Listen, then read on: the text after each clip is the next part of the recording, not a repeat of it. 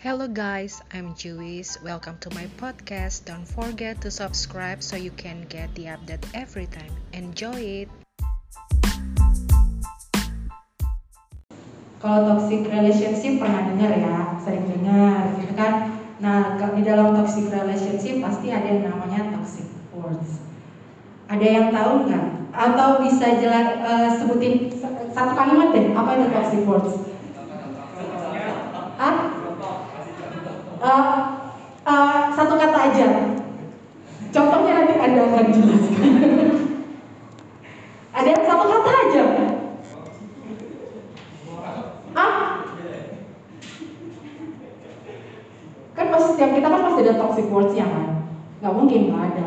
Bahkan seorang hamba Tuhan yang sekali berapapun pernah kasihkan pasangannya dia mengucap toxic words. Jadi toxic words itu sudah ada di situ kata-kata racun, racun, ya racun, mengandung racun. Oke, uh, lanjut ke yang slide kedua ya. Apa itu toxic words? Toxic words adalah kata-kata yang mengandung racun. Racun di sini, ini saya coba data aja, teman-teman boleh nambah.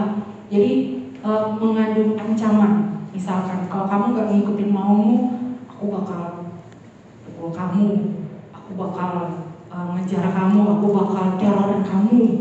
Kalau kamu aku tembak, kamu gak mau sama aku, aku bakal teror kamu, aku akan selalu menghantui kamu itu ancaman. Itu toxic word. Ada yang pernah mengalami hal itu? Kalau yang senyum-senyum kelihatan matanya ketawa berarti kayaknya pernah tuh. Terus bully. Ada yang pernah mengalami bulian di sini? Wow, luar biasa. Oh, ada. Oke. Okay. Aku pernah mengalami bully bahkan sampai di lingkungan kantor pun aku pernah dibully. Ya, jadi contohnya gini. Kemarin tuh, eh Jewis, kamu jangan sering-sering minum kopi. Karena kamu suka minum kopi kan? Sebelum ini kalau kamu minum udah udah hitam pahit lagi gitu kan ntar kamu tambah hitam tambah pahit gitu kan aku bilang oh iya kopi makin pahit makin hitam makin dicari. Berarti aku makin dicari gitu. Jadi orang tuh sebenarnya mau bully aku tapi aku ngebalikin hal itu. Tapi sebenarnya itu adalah kata-kata yang mengandung racun. Ya terus lelucon kasar ya uh, jorok. Gak jarang juga penuh dengan kata-kata porno ya. Kalau kita lihat di sosial media media sekarang, wow banyak banget. Pelecehan secara verbal. Dia nggak melecehkan secara fisik, tapi secara verbal, kata-kata. Ya, tit, tit, banyakkan titipnya ya. Terus mengutuk. Wah, aku doain masa depanmu tuh nggak ini, pokoknya kamu nggak akan berhasil. Itu adalah kata-kata toksik Janji yang diingkari, udah ngucapin janji nih, ternyata nggak ditepati di sini ayo pernah nggak coba dicek? Kita udah janji ketemuan ternyata kita dengan segampang itu kita batalin. Alasannya aku sibuk padahal enggak juga sih aku sibuk gitu. Ya itu ternyata juga adalah salah satu kata-kata toxic kalimat toxic. Nah mungkin ada hal-hal lain juga yang teman-teman bisa tambahkan kayak gosip, gibah itu juga salah satu toxic word.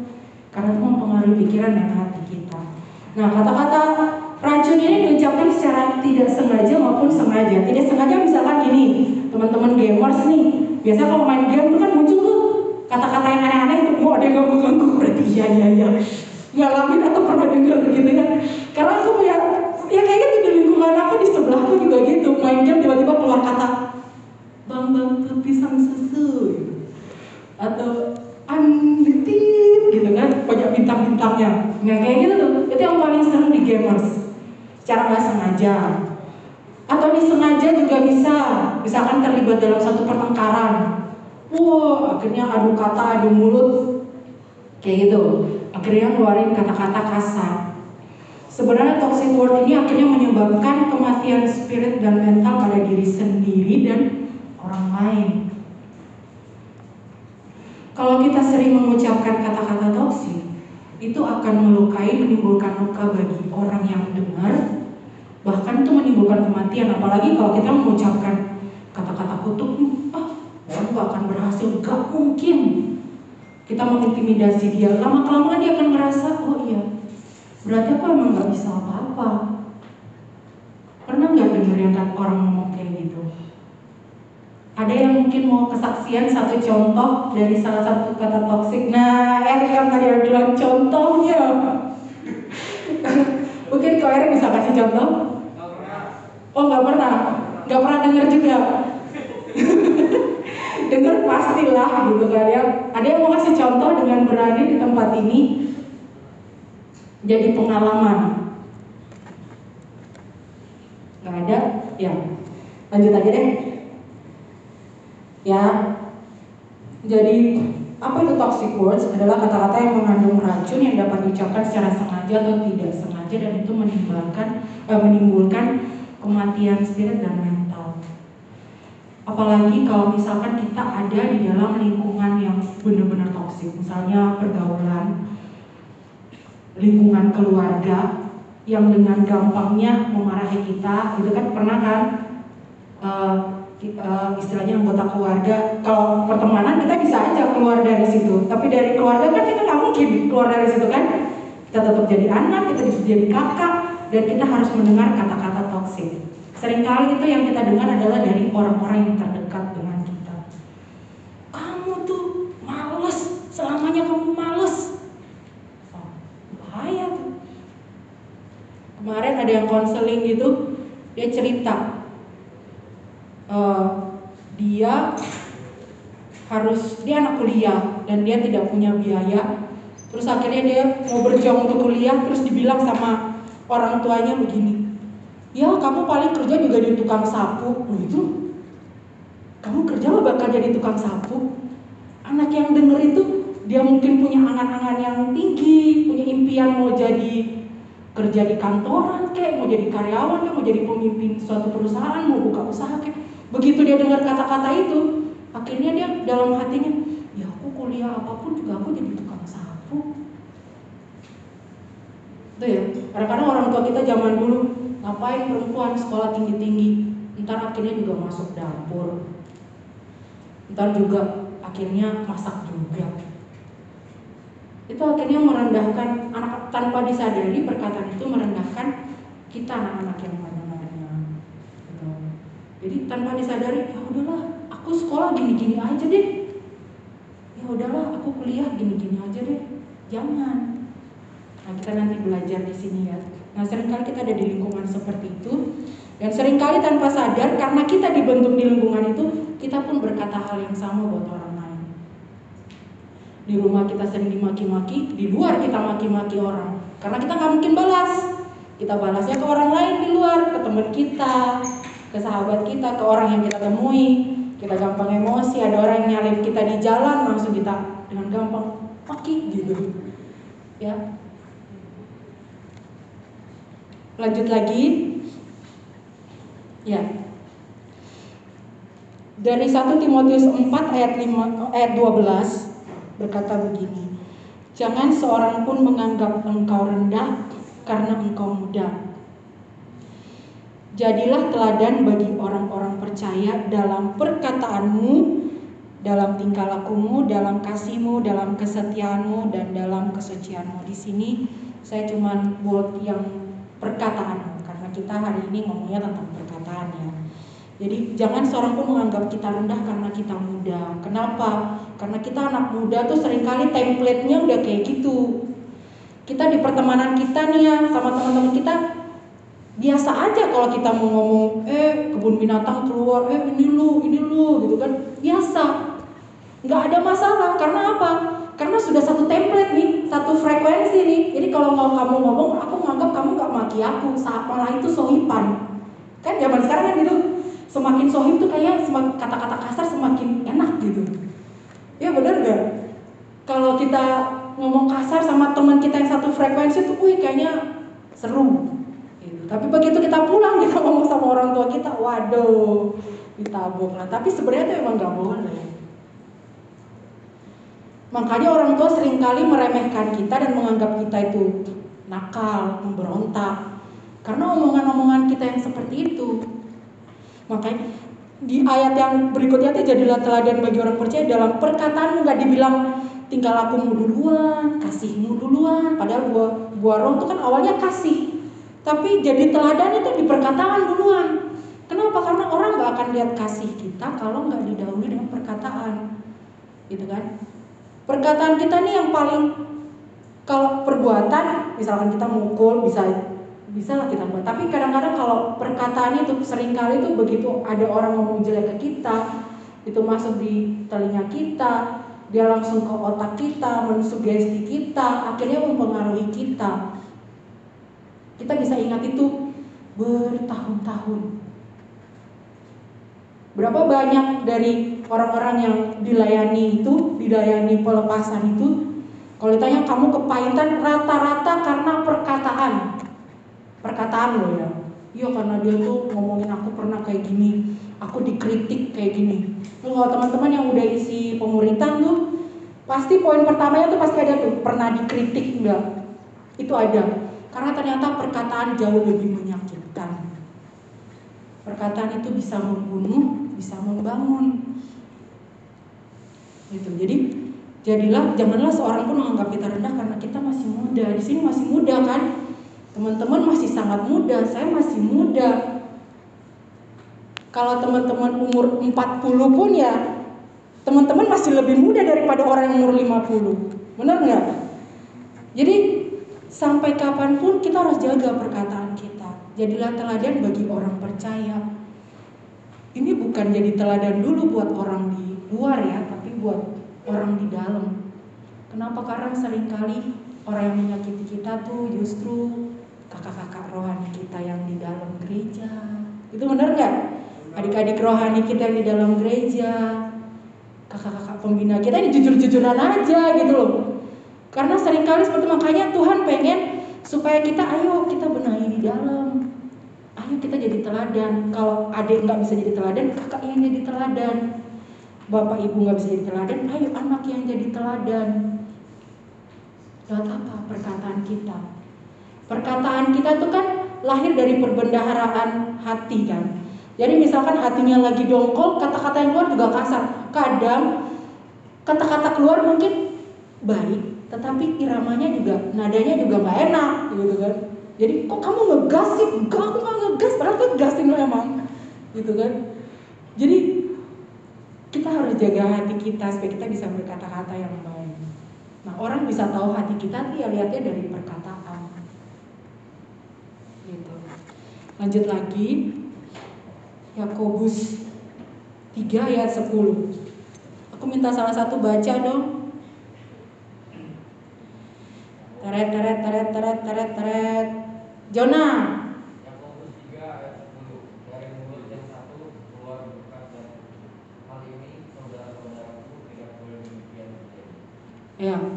Jadi hari ini, wih, Bapak engkau baik, engkau sangat baik Tuhan, aku memujimu. I love you Lord, I love you Lord. Hari ini nih, jam sekarang nih. Mudah-mudahan enggak ya, aku berdoa dalam nama Yesus. Besoknya begitu ada yang gangguin, wah kamu tuh pokoknya segala macam caci makian. Jangan kita seperti itu. Dari mulut yang satu keluar berkat, seterusnya keluarlah berkat. Dari mulut yang satu keluar kata-kata positif, seterusnya keluar kata-kata yang positif. Dari mulut yang satu keluar perkataan yang membangun orang lain, seterusnya membangun orang lain. Jangan akhirnya dari mulut yang satu seperti ini, keluarnya pujian, ucapan syukur, memberkati orang lain, tapi di satu sisi akhirnya "Ih, dia nih loh gini gini gini gini, gibah juga. Ada yang ih menutup gini gini. Nanti kayaknya pernah tuh, atau sering. Ya, jadi janganlah. Aku pun belajar di situ. Dulu Kak Dewi tuh, aduh, SMA tuh aku gosip itu, aduh, gosipnya luar biasa. Aku jujur-jujuran waktu SMA, apalagi kalau anak-anak SMA, aduh, kayaknya dari anak SD juga sekarang pada gosip-gosipan gak sih? Gibah-gibahan itu dulu aku pernah tuh yang kayak gitu SMA, akhirnya aku ditegur Tuhan dan, aduh, enak banget digosipin. Ya, jadi kalau kita tidak mau orang melakukan berkata hal yang buruk tentang kita, jangan kita berkata yang buruk tentang orang lain ataupun di hadapan orang lain. Ya. Terus apa doa yang harus kita lakuin? Yang pertama,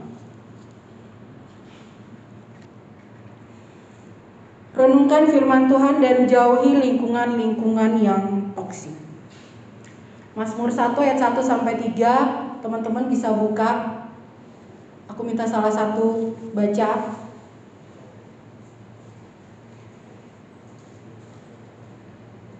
Satu baca atau Jona bisa buka, nanti salah satu baca di sini.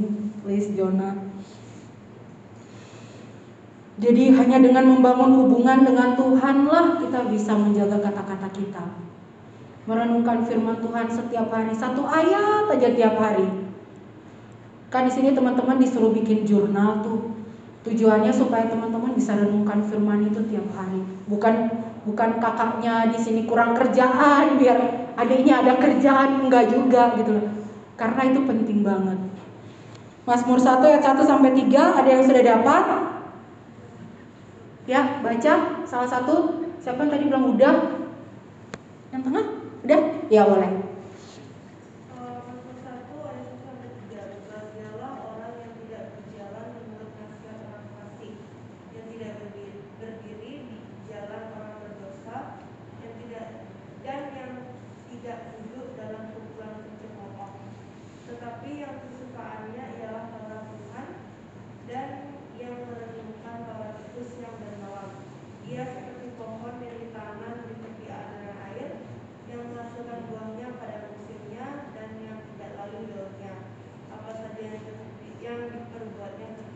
Amin.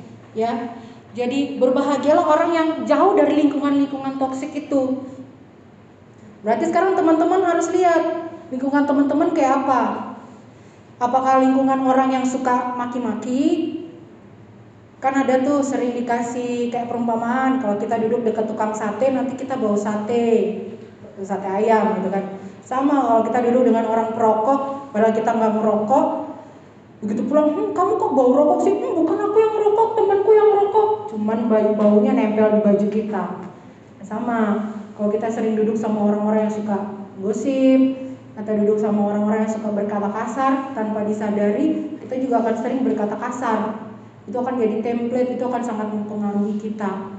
Tapi firman Tuhan bilang di sini kita merenungkan firman itu siang dan malam. Baca firman pagi hari renungkan itu di sekolah pas ada waktu renungkan itu. Sebelum tidur malam renungkan itu. Tuhan aku udah lakuin apa ya hari ini? Aku ada kesalahan apa ya hari ini Tuhan? Aku minta ampun. Karena kita nggak pernah tahu pada saat kita tidur kita apakah bisa bangun ataukah kita akan terus lanjut ke dunia lain. Kita nggak tahu. Nah nanti kalau pada saat kita tidur ternyata kita belum beres kita baru habis maki-maki orang, kita baru ngata-ngatain orang, terus kita tidur, terus ternyata Tuhan panggil kita, nah lo, ke mana tempat kita? Itu sangat mengerikan teman-teman. Jadi Kak Yesus ingatkan kita semua di tempat ini, Kak Yesus pun selalu mengingatkan diriku kalau ayo aku harus renungkan firman Tuhan. 1 Korintus 15 ayat 33 berkata, pergaulan yang buruk merusak kebiasaan yang baik. Seringkali mungkin di orang tua kita nih Uh, salah contoh nih, Kak Jais pernah uh, dengerin YouTube, tahu Onat, Onat, Onat yang tatoan full itu kan? Ya. Onat itu dididik dari keluarga yang sangat istilahnya cinta Tuhan lah. Orang tuanya tuh sangat mendidik dia, dia tidak pernah kehilangan kasih sayang. Bener-bener dia punya, wah dari kecil tuh luar biasa. Orang tuanya ngajarin yang baik, kamu harus nggak boleh merokok. Di papa mamanya tuh baik banget pada saat selesai SMA, dia SMA tuh dia nggak nakal. Kuliah dia pergi ke Malaysia. Begitu pulang dari Malaysia, papa mamanya kaget, udah tatoan, mabuk. Hmm. Padahal di keluarganya dia sendiri, papa mamanya nggak pernah ngajarin itu. Begitu dia ke Malaysia kuliah, papa mamanya kaget. Pulang, anaknya udah tatoan, udah mabuk-mabukan, pakai narkoba. Nah sering kali itu, jadi ternyata dia ada dalam lingkungan yang toksik teman-temannya ngajarin. Akhirnya dia harus bergulat lagi. Bangun lagi jatuh bangun kayak apa sampai sekarang. Kan sayang sudah dibangun kebiasaan yang baik sama orang tua pada saat dia ada di lingkungan yang toksik dia berubah. Pergaulan yang buruk merusak kebiasaan yang baik.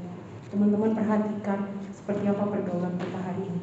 Kalau yang hari ini suka pergi ngedugem ngedugem udah lepasin semua. Kenapa begadang gak ada gunanya kecuali ada gunanya bikin tugas oke okay. Tapi kalau begadang hanya untuk minum-minum, mabuk, merokok, aduh, lepasin itu semua. Sekarang kita nggak ngerasain. Kalau udah tua, hmm, sakit sana sini semua, gitu, ya. Terus yang kedua, berani berhenti dari kebiasaan-kebiasaan buruk, membangun kebiasaan-kebiasaan berkata-kata yang positif. Itu nggak mudah ya. Efesus 4 ayat 29. Efesus 4 ayat 29 saya minta juga teman-teman untuk baca Bahasa Indonesia dong Enggak ada Masya Allah ada yang bahasa Indonesia-nya udah dapet? Fani, udah dapet? Hmm. 4 ayat 29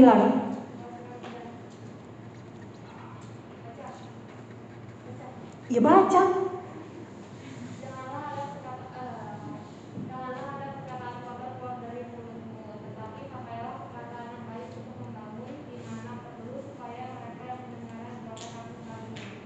Ya, ini firman Tuhan tuh hebat banget loh.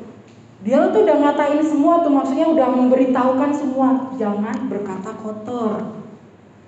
Berkata yang membangun supaya orang yang dengar tuh menerima kasih karunia. Loh, waktu kita ternyata waktu kita berkata-kata itu kita sedang memberi hadiah loh dari Tuhan buat mereka.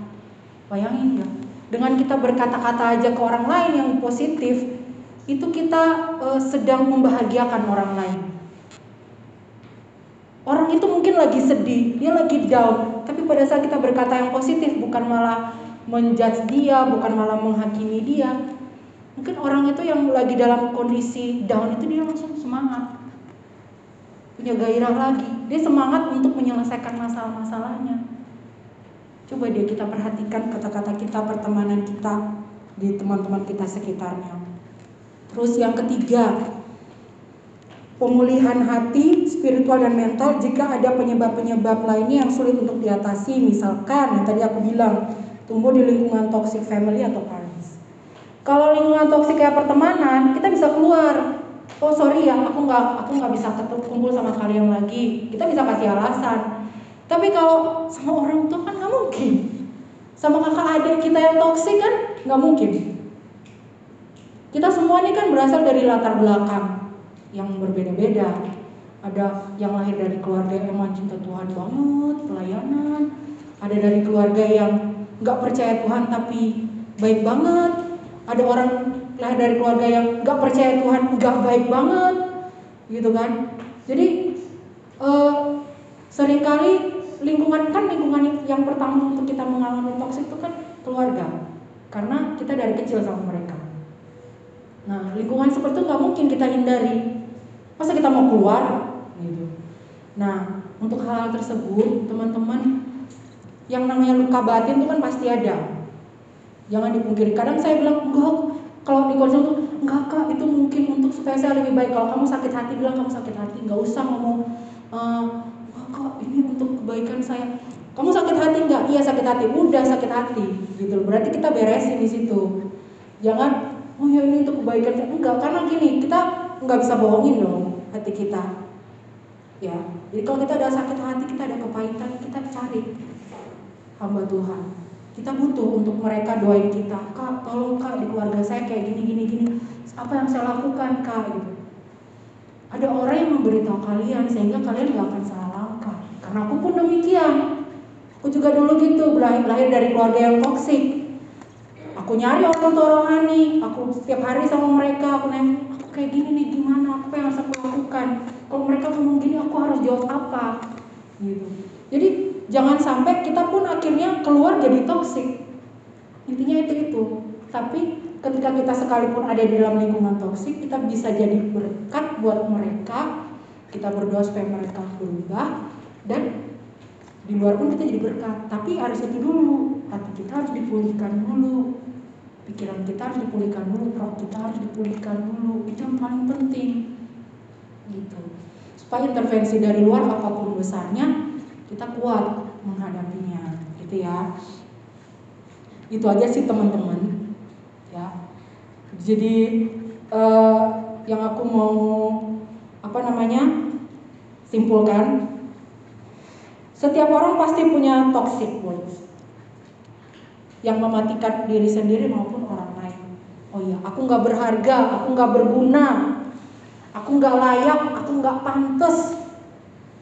Tadi suara gembala kan bilang e, komunitas yang lahir dari ketidakpantasan ya cuman gereja Kristus karena memang kita nggak pantas. Kita pantas hari ini datang ibadah karena kasih karunia Tuhan, mengucap syukur. Jadi apa namanya? Jangan lagi merasa bahwa kita tuh nggak berharga, nggak layak. Ya itu mematikan diri dan juga jangan lagi berkata-kata yang kasar buat orang lain. Seperti yang tadi penuh dengan ancaman, bully, jorok, kotor, melecehkan dan lain sebagainya untuk orang lain. Hentikan.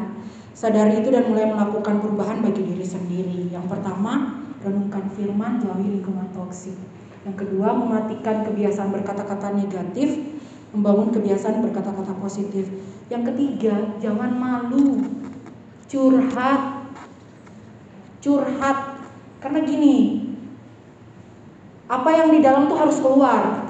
Kalau yang di dalam nggak keluar, hmm, lama-lama meledak jadi bom. Jadi bom meledak maksudnya. Jangan malu datang curhat. Punya kakak-kakak gembala komsel, kak saya kayak gini kak, tolong saya, saya pengen cerita, saya pengen curhat kak, saya minta didoain.